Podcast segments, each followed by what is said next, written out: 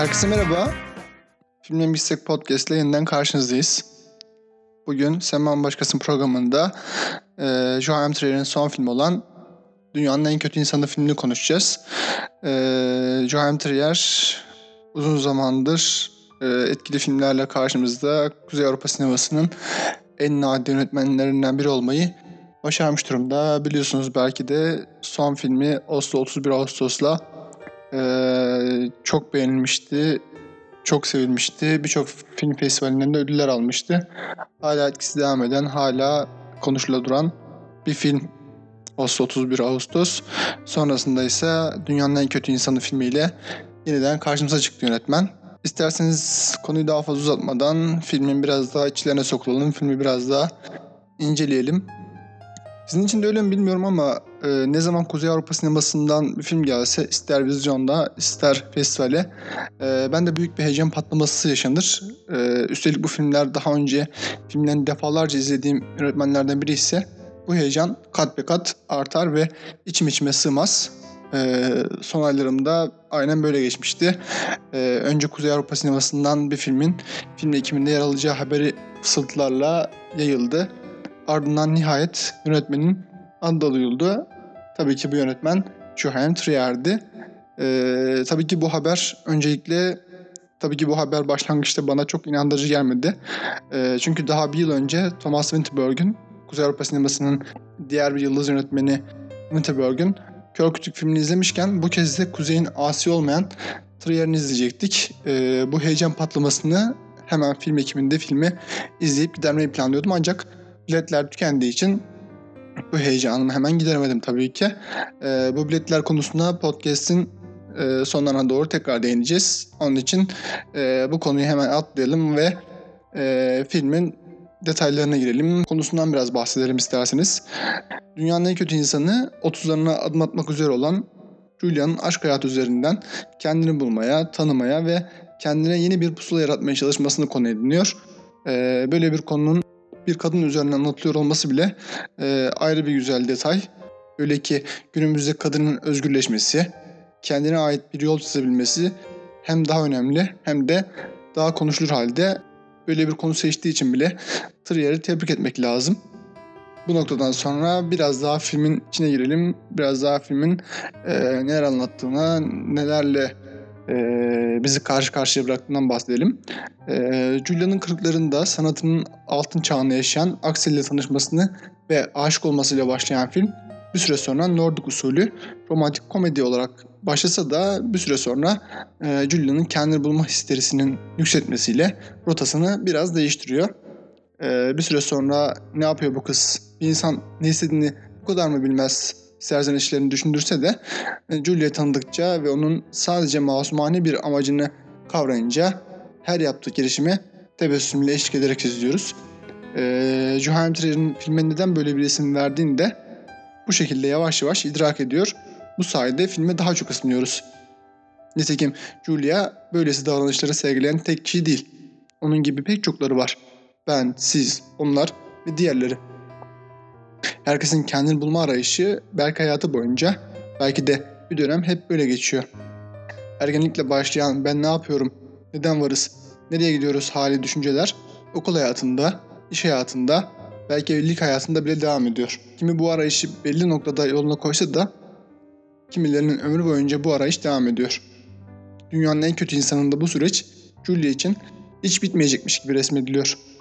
Tesadüfen girdiği bir ev partisinde tanıştığı Elvent, hayatın akışını bile durduracak derecede aklını başına alınca kendini yanında aslında hiç kendi gibi hissetmediği Axel'den ayrılıyor.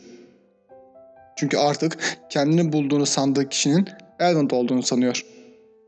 Ne var ki bir süre sonra Elvin'in de arayışını sonlandıracak kişi olmadığını fark ediyor. Sonunda kendi yalnızlığına geri dönüyor.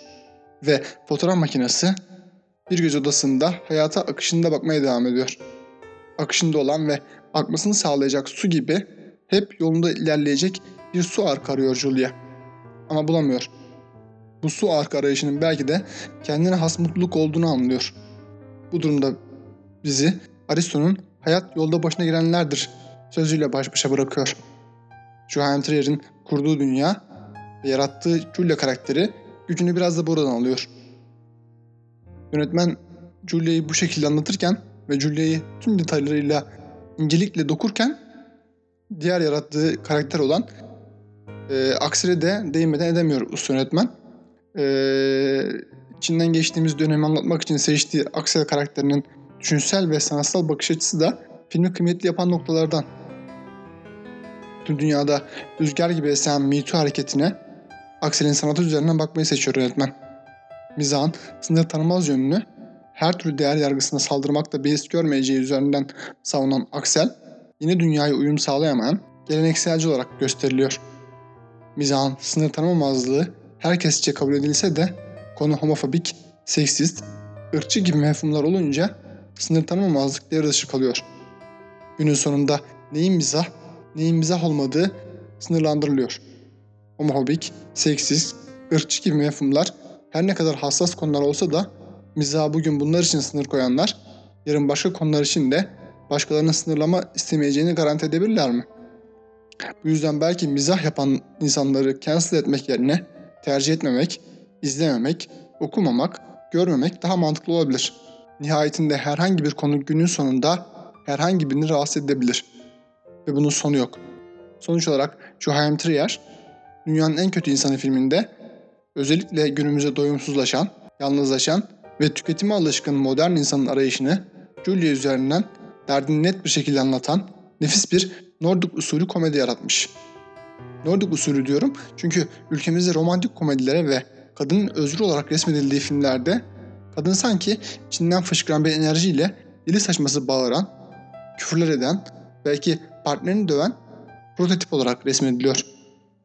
Bunun için ilk aklıma gelen örnek ise Blue TV'nin son dönemde bayağı parlattığı dizi olan ilk ve son dizisi. Senaristler kadını özgür olarak resmedeceğiz diye küfrü, bağırış çağrışları, şiddeti alabildiğinde boş etmiş durumda. Dünyanın en kötü insanında Julia'ya baktığımızda tüm Osmaniliyle tam da olması gereken olarak düşündürtüyor Julia bize. Bu Orta Doğu ülkesinde kadının özgürleşmesi bile yanlış anlaşılmış gözüküyor ki ortaya böylesine bağıran, çağıran, yerli yersiz küfürler eden ucube karakterler ortaya çıkıyor.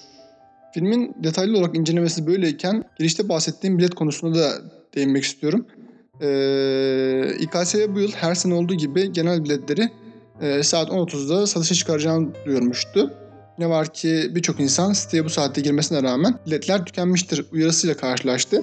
Biletler nasıl tükendi? İKSV biletleri özel üyeler olan Lale Kart üyelerine mi sattı?